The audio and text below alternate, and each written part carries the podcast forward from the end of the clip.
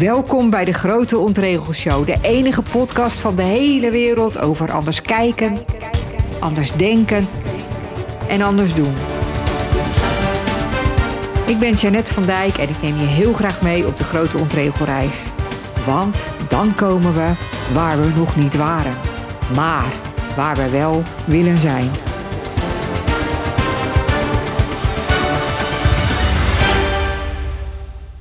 Hallo lieve luisteraars. Ik ben net terug van een vacation van uit op in Ibiza. En ik kan het je heel erg aanraden om een vacation te gaan doen. En dat is natuurlijk ook een van de allerleukste dingen van het ondernemer zijn. Dat je gewoon maar op een dag kan besluiten om een vacation te gaan doen op Ibiza.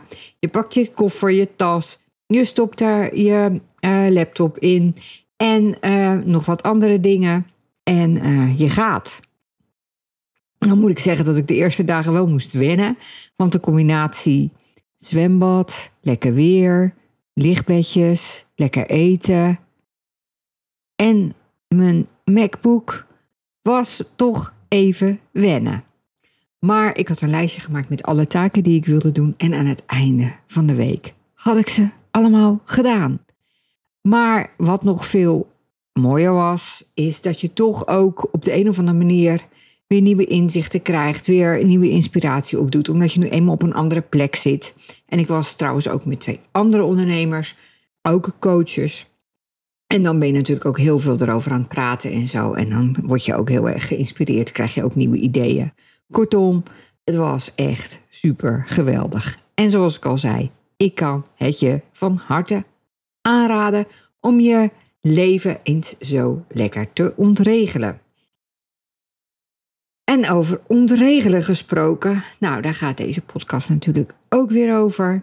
Ja, er komen weer uh, ontzettend leuke rubrieken voorbij. Ik zou zeggen, laten we de show starten. De ondraaglijke lichtheid van het ontregelen.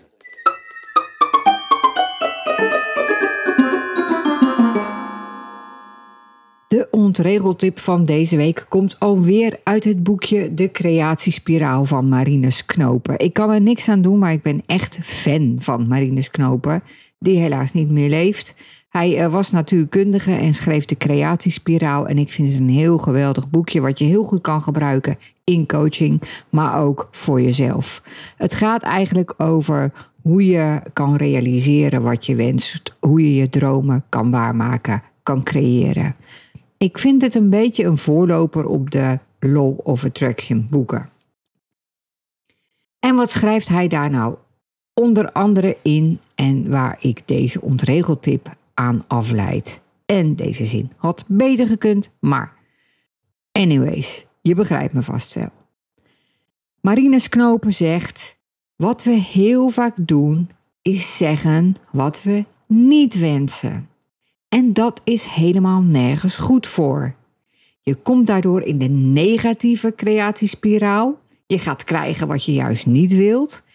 En de communicatie wordt ook een beetje onhelder, onduidelijk. En we doen dat niet alleen zelf, zeggen wat we niet wensen in plaats van wat we wel willen. Andere mensen doen dat ook. En zijn ontregeltip is: als andere mensen dat doen, vraag dan wat ze wel willen. Dat praat makkelijker, want je weet beter wat ze bedoelen. Ik geef even een voorbeeld. Als iemand zegt: Ja, ik wil dat werk gewoon niet meer doen. Nou, dan kan je zeggen: oh, Maar wat bedoelt iemand dan eigenlijk? Dus je kan dan beter vragen: Wat wil je wel? Want ik wil dat werk gewoon niet meer doen. Betekent dat dat iemand een andere baan wil? Dat iemand uh, wil stoppen met werken? Of doelt iemand op een bepaald klusje, een onderdeel van zijn werk dat hij eigenlijk niet meer wil doen? En als je vraagt wat zou je wel willen, nou dan zegt hij: ik wil een andere baan, ik wil stoppen met werken of ja, ik ga gewoon zeggen dat ik dat onderdeel niet meer wil. De communicatie wordt helderder en door positief je wensen te formuleren, begin je met de positieve creatiespiraal. Dus de vraag aan jezelf en aan anderen is altijd: wat zou je willen? Wat wens je? En stel die vraag ook aan, je, aan jezelf als je per ongeluk zegt wat je niet meer wilt. Ik wil geen regen meer. Ik wil zon. Ik wil niet meer dat je zo tegen me doet. Ik wil heel graag dat je lief tegen me doet. Ik wil niet meer zo vaak op mijn telefoon zitten. Ik wil meer lezen.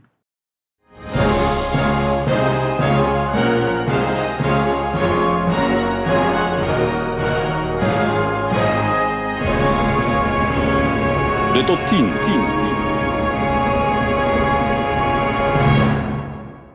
De top 10 van grote tijdverspillers volgens Founder.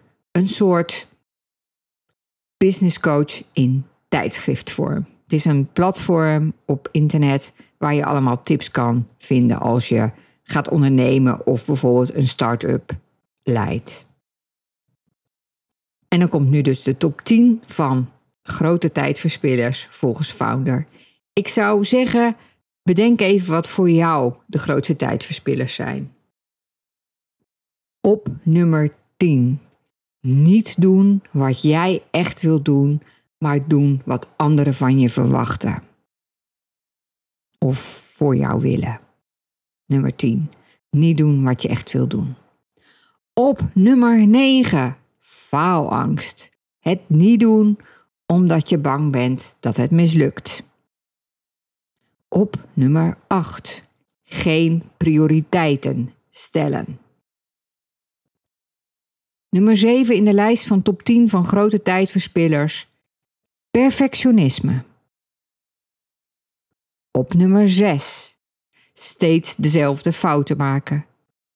Op nummer 5. Jezelf vergelijken met anderen. Op nummer 4. Iedereen tevreden willen stellen. Op nummer 3. Klagen. Op nummer 2. Je zorgen maken over wat andere mensen zullen zeggen of vinden. En op nummer 1 van de top 10 van grote tijdverspillers, samengesteld door Founder. Wachten op inspiratie. Ik weet niet wat jouw nummer is, maar die van mij is denk ik het meest 8. Geen prioriteiten stellen. En misschien onbewust ook wel faalangst dat het mislukt. Lieve Mona. Lisa.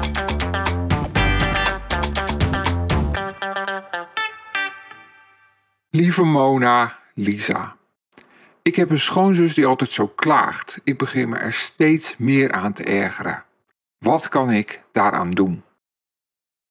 Nou, voor die, het antwoord op die vraag heeft Mona Lisa, lieve Mona Lisa, even het boek Three Simple Steps erbij gepakt van Trevor Blake.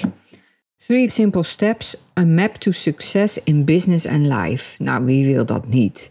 Maar ik herinnerde me dat daar uh, heel veel in staat over negativiteit. Omdat negativiteit ons zo vaak van doelen afhaalt, onze stemming naar beneden haalt, helemaal nergens goed voor is.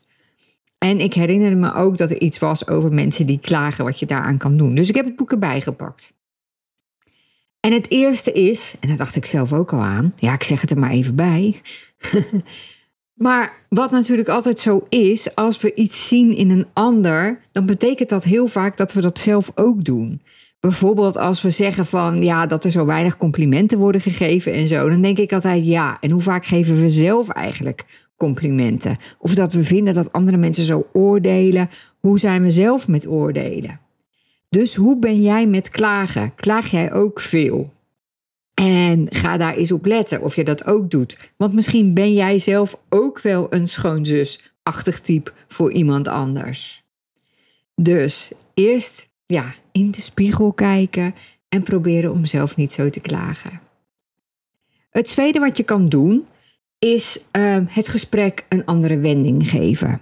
Dus als iemand klaagt over dat alles zo duur is geworden tegenwoordig, ja, dan kan je meegaan daarin. Van ja, ik was laatst bij de supermarkt en ik rekende af. Nou, ik sloeg stijl achterover, figuurlijk. Want ik dacht, nou, ik heb maar drie dingen en ik was uh, 34 euro kwijt nou ja, van, en de benzine, die is ook zo duur. Dan, dan, dan ga je daar zo in mee. En dan, dat verwachten anderen ook, hè? want klagers zoeken klagers. Dat vinden ze heerlijk. Dus wat je doet, is eigenlijk alleen maar olie op het klaagvuur gooien.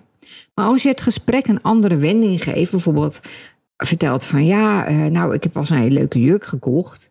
En uh, ja, die was in die blauwe kleur, weet je wel, die ik zo leuk vind. Probeer het gesprek een andere wending te geven. Wat je niet moet doen, is proberen dat ze gaan stoppen met klagen. Want dat, dat, dat, dat vinden ze helemaal niet fijn. Dan gaan ze daar weer over klagen. Wat je veel beter kan doen, is een stilte laten vallen. Gewoon niks zeggen. En ondertussen aan iets leuks denken. Want dan reageer jij niet hoe zij verwachten. Dan krijgen ze een andere reactie. En dan worden ze niet aangemoedigd om door te gaan. Wat wel gebeurt als je meegaat in het verhaal. Dus het gesprek een andere uh, wending geven of uh, een stilte, gewoon niks zeggen.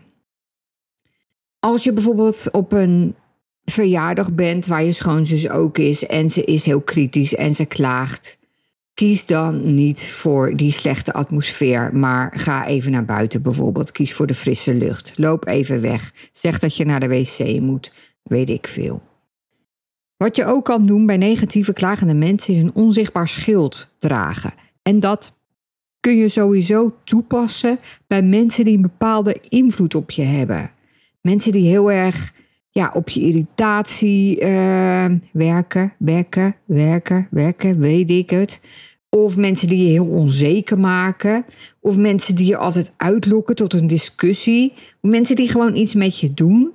Je kunt dan inbeelden dat die mensen, als je ze ziet, eigenlijk moet je dat nu even proberen, dat je even met je ogen dicht gaat en dat je dan die persoon voor je ziet. Maar dan zie je hem niet gewoon voor je, maar je ziet hem bijvoorbeeld in een hele witte bal. Of je ziet, hem, ziet een hekje om hem heen staan. Of misschien wel een heel hoog hek. Of hij is soort gevangen in een soort ballon. Of uh, ja, er staat een dikke muur om hem heen.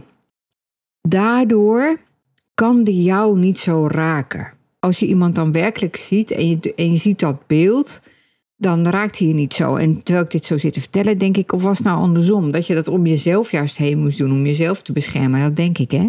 Ja, dat kan ook. Maar in elk geval, zorg voor zo'n soort scherm. Klinkt, klinkt gek, zo'n onzichtbaar schild. Wat is dat voor onzin? Maar het werkt echt. Probeer het maar uh, eens uit. En de ene beste tip van Trevor Blake uit Three Simple Steps is: leg de verantwoordelijkheid bij je schoonzus. Dus als ze klaagt over de school van haar kinderen, wat ga jij eraan doen? Of ze klaagt over haar werk en ga je daarover in gesprek? Ook dat willen klagers helemaal niet. Klagers willen geen oplossing, klagers willen klagen. Dus dat brengt zo'n vraag om de verantwoordelijkheid bij haar neer te leggen, brengt haar dan echt wel van haar stuk. Nou miste ik in de Three Simple Steps, van, ja, dat gaat niet over deze klagen. Dit zijn veel meer stappen om te zetten als je, uh, als je een klagende schoonzus hebt. Maar ik miste eigenlijk, uh, om het gewoon eerlijk te zeggen, joh, ik ben in een hartstikke vrolijke bui en uh, ja, ik vind eigenlijk, uh, ik heb niet zo'n zin in een klaagverhaal of iets in je eigen taal. Dat je het wel heel erg bij jezelf houdt. Weet je, dat je de ander niet gaat aanvallen, want dan krijg je weer allemaal ander gedoe. Maar gewoon dat je zegt van, nou ja, het is een leuk feestje, joh, ik uh, kom net uit mijn werk, ik heb zin in lekkere gezelligheid. Ik ben niet zo in de stemming om, om zo'n klaagverhaal aan te horen. Of je zegt gewoon heel eerlijk, Mag ik je iets uh, zeggen? Ja, je vindt het misschien niet leuk om te horen, maar eigenlijk zit ik er al een tijd mee. En ik denk dat andere mensen misschien hebben die er ook last van hebben. Dat weet ik niet. Maar ja, ik vind dat je best wel klaagt. En ja, dat vind ik eigenlijk heel vervelend. Hij staat niet bij de, het rijtje van uh, Trevor Blake, hè? die zegt dat je allemaal succes krijgt in business en life als je zijn tips opvolgt. Maar ik dacht toch wel, dit ontbreekt er toch aan. Want waarom kan je vanuit je eigen gevoel. Ik vind het vervelend. Ik kom daar ook een beetje. Ja, mijn positieve stemming zakt. Ehm, ik vind het zo zwaar. Weet ik veel. Ik heb meer behoefte aan vrolijkheid. Dat je je eigen gevoel en je eigen behoeften benoemt. En dan ehm, dat gewoon ja, met liefde en respect op tafel legt. Waarom zou dat niet kunnen?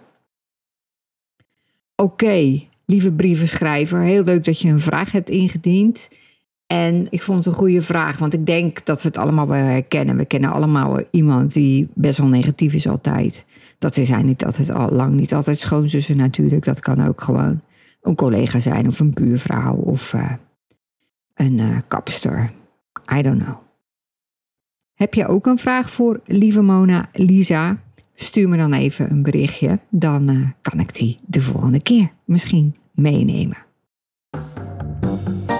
Uit de serie van het Concert des Levens heeft niemand het programma en andere tegeltjes wijsheden. Now is almost always the better choice. You never know about later. Deze quote is van Julia Glass, van wie ik ook nog nooit had gehoord. Of misschien moet ik zeggen Glass, I don't know. Ze is een Amerikaanse schrijfster. Maar ik vond hem wel heel mooi. Now is almost always the better choice. You never know about later. All you need is love.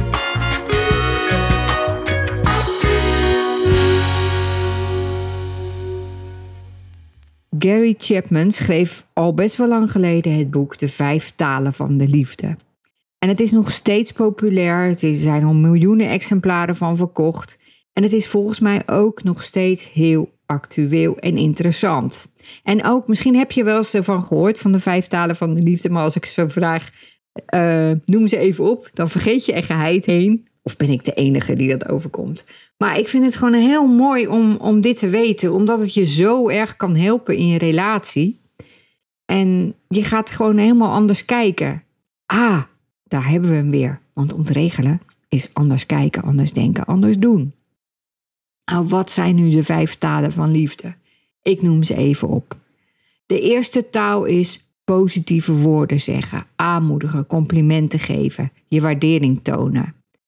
Fijn dat je vandaag zo lekker hebt gekookt. Of wat zie je er goed uit.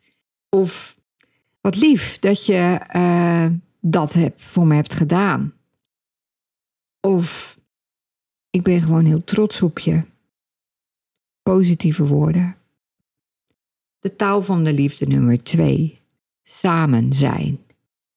Tijd voor elkaar hebben. Samen dingen doen. Aandacht voor elkaar hebben vragen stellen, interesse tonen. Gezellig eten, gezellig naar de kroeg, gezellig naar de film, gezellig op vakantie, gezellig een dagje weg. Uh, samen op de bank de dag uh, afsluiten. Samen zijn. Nummer drie, lichamelijk contact.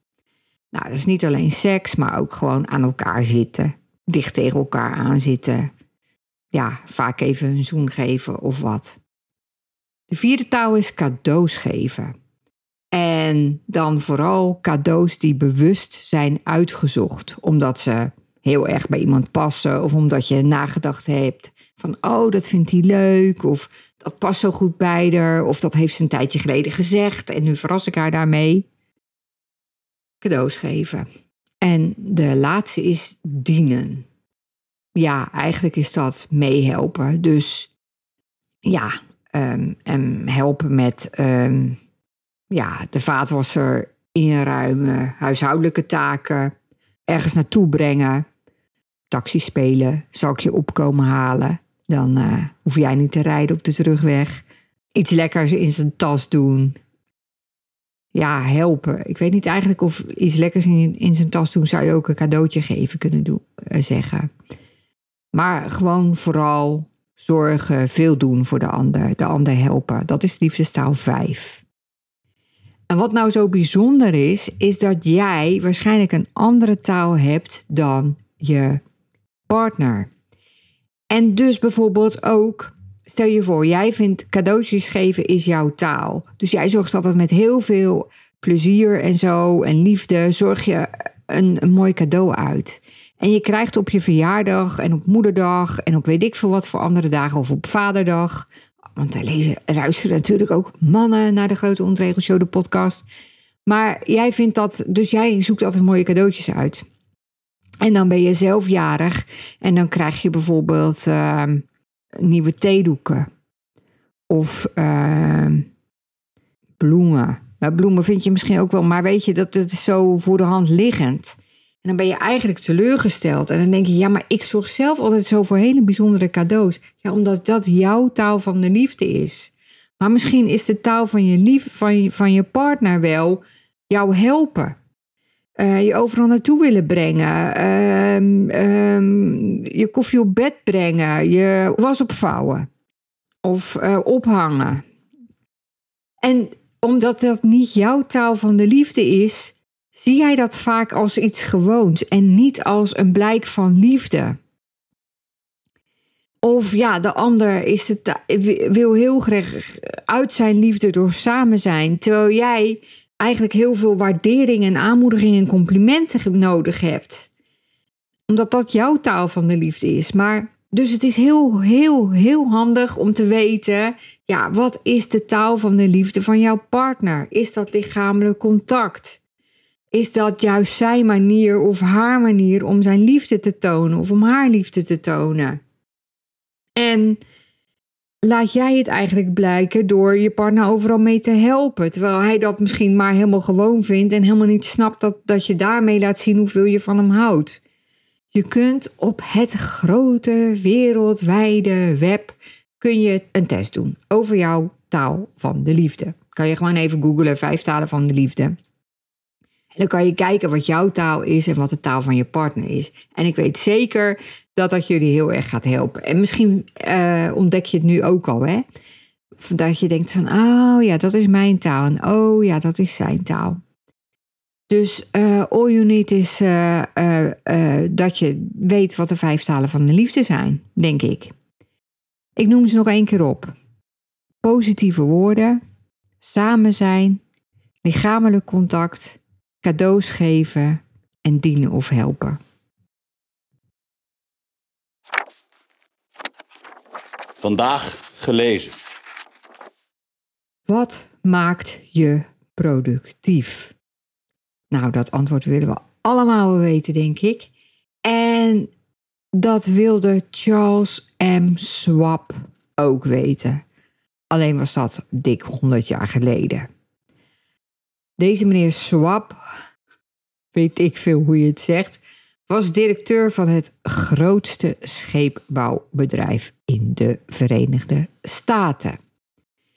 En hij vroeg toen aan een consultant met de naam Ivy Lee. Daar is dus een beroemde uh, universiteit naar uh, vernoemd, denk ik. Om advies. Grappig dat ruim 100 jaar geleden er ook al consultants waren. Ja, wie kan er nu zonder coaches, consultants en adviseurs? Het antwoord van Ivy Lee was nogal verrassend. Hij zei: Laat mij een kwartier praten met al je leidinggevenden. En betaal me dan over drie maanden de vergoeding die ik volgens jou verdien. Nou, meneer Swab, die vond het goed. En hij maakte drie maanden later 25 dollar over naar de rekening van Ivy Lee.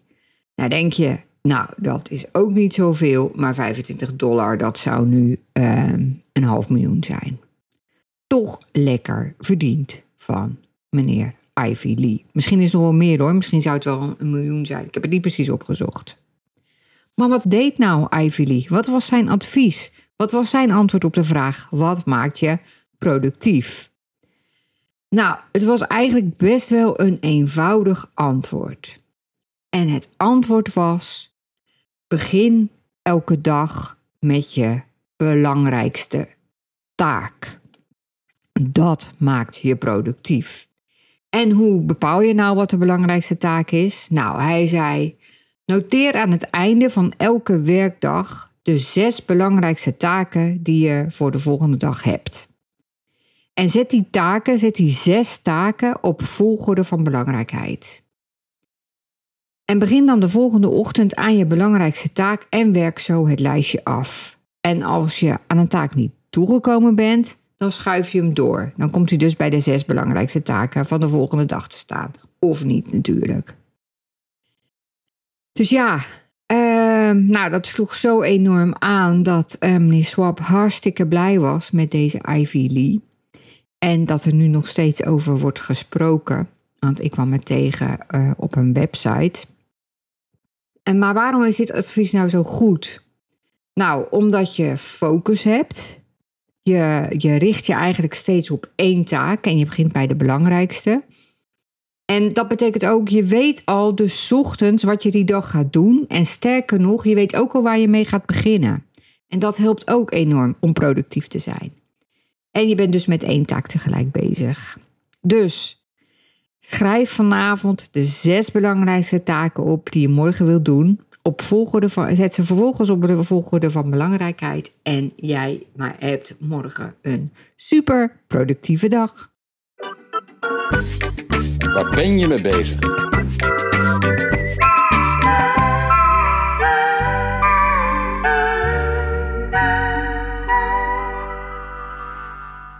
Ik ben nog steeds bezig met Holland's Next Topcoach. Een programma waarin business coaches leren om nog beter hun klanten te coachen, zodat hun klanten nog betere resultaten halen, wat niet alleen hun eigen werk veel leuker maakt, maar ook natuurlijk zorgt voor super enthousiaste ambassadeurs, fans die heel tevreden zijn en tegen iedereen gaan vertellen bij haar of bij hem moet je zijn.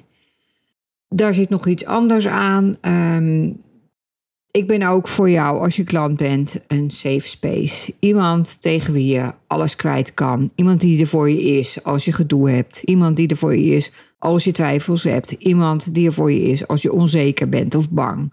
Of het gewoon even niet meer weet. Of advies wilt. Of nou ja, wat dan ook. Dus daar ben ik mee bezig. Ik heb een, daarover ook een video gemaakt over uh, meer structuur brengen in je coaching calls. Die kun je bij me aanvragen, die is gratis. Dan kan je alvast een beetje kennis maken met hoe ik werk. Maar je krijgt ook echt hele, het is ook gewoon een waardevolle uh, video over structuur aanbrengen in je coaching calls, waardoor ze effectiever, efficiënter worden, jou minder energie kosten uh, meer diepgang krijgen en daardoor ook waardevoller zijn voor je klant, zodat je echt nog meer resultaten haalt uit, dan, uit zo'n coachingsgesprek. Wat ook leuk is, is juist vandaag kreeg ik een aanvraag voor de Grote Ontregelshow voor mijn lezing. Ja, het is nog niet helemaal zeker of het doorgaat, maar dat zou dan in januari in Zwolle zijn. Nou, ik hoop het heel erg, maar ik vind het sowieso heel erg leuk dat ik weer een keer daarvoor ben benaderd. Want juist uh, toen ik dat allemaal uh, wilde gaan doen en zo, toen kwam de coronacrisis en de lockdown en al dat soort dingen. En uh, ik ben aangesloten bij twee sprekersbureaus, de Speakers Academy en Athenas. En die jongen van Athenas die mij vandaag belde, die zei van... Uh, ja, er komen ineens heel veel aanvragen binnen. Dus ik hoop dat er nog meer komen. Mocht jij nou een leuke lezing of weet ik veel wat... zoeken voor bijvoorbeeld een event van jouw bedrijf... toevallig dan weet je me te vinden. Ik had nog even opgeschreven waar ik verder nog mee bezig was, maar uh, op de een of andere manier zie ik dat niet meer. Dus uh, ik denk dat het wel genoeg is. Superleuk dat je weer luisterde. Uh, ik zou het ook heel leuk vinden als je uh, laat weten dat je wel eens luistert naar deze podcast. Want ja, ik heb het wel vaker gezegd. Ik praat natuurlijk altijd maar een beetje tegen mijn computer. En uh, ik zie helemaal niet wie er aan de andere kant van de lijn is. En ik zou het heel leuk weten. Heel leuk vinden om dat van je te horen. En heel graag tot de volgende keer.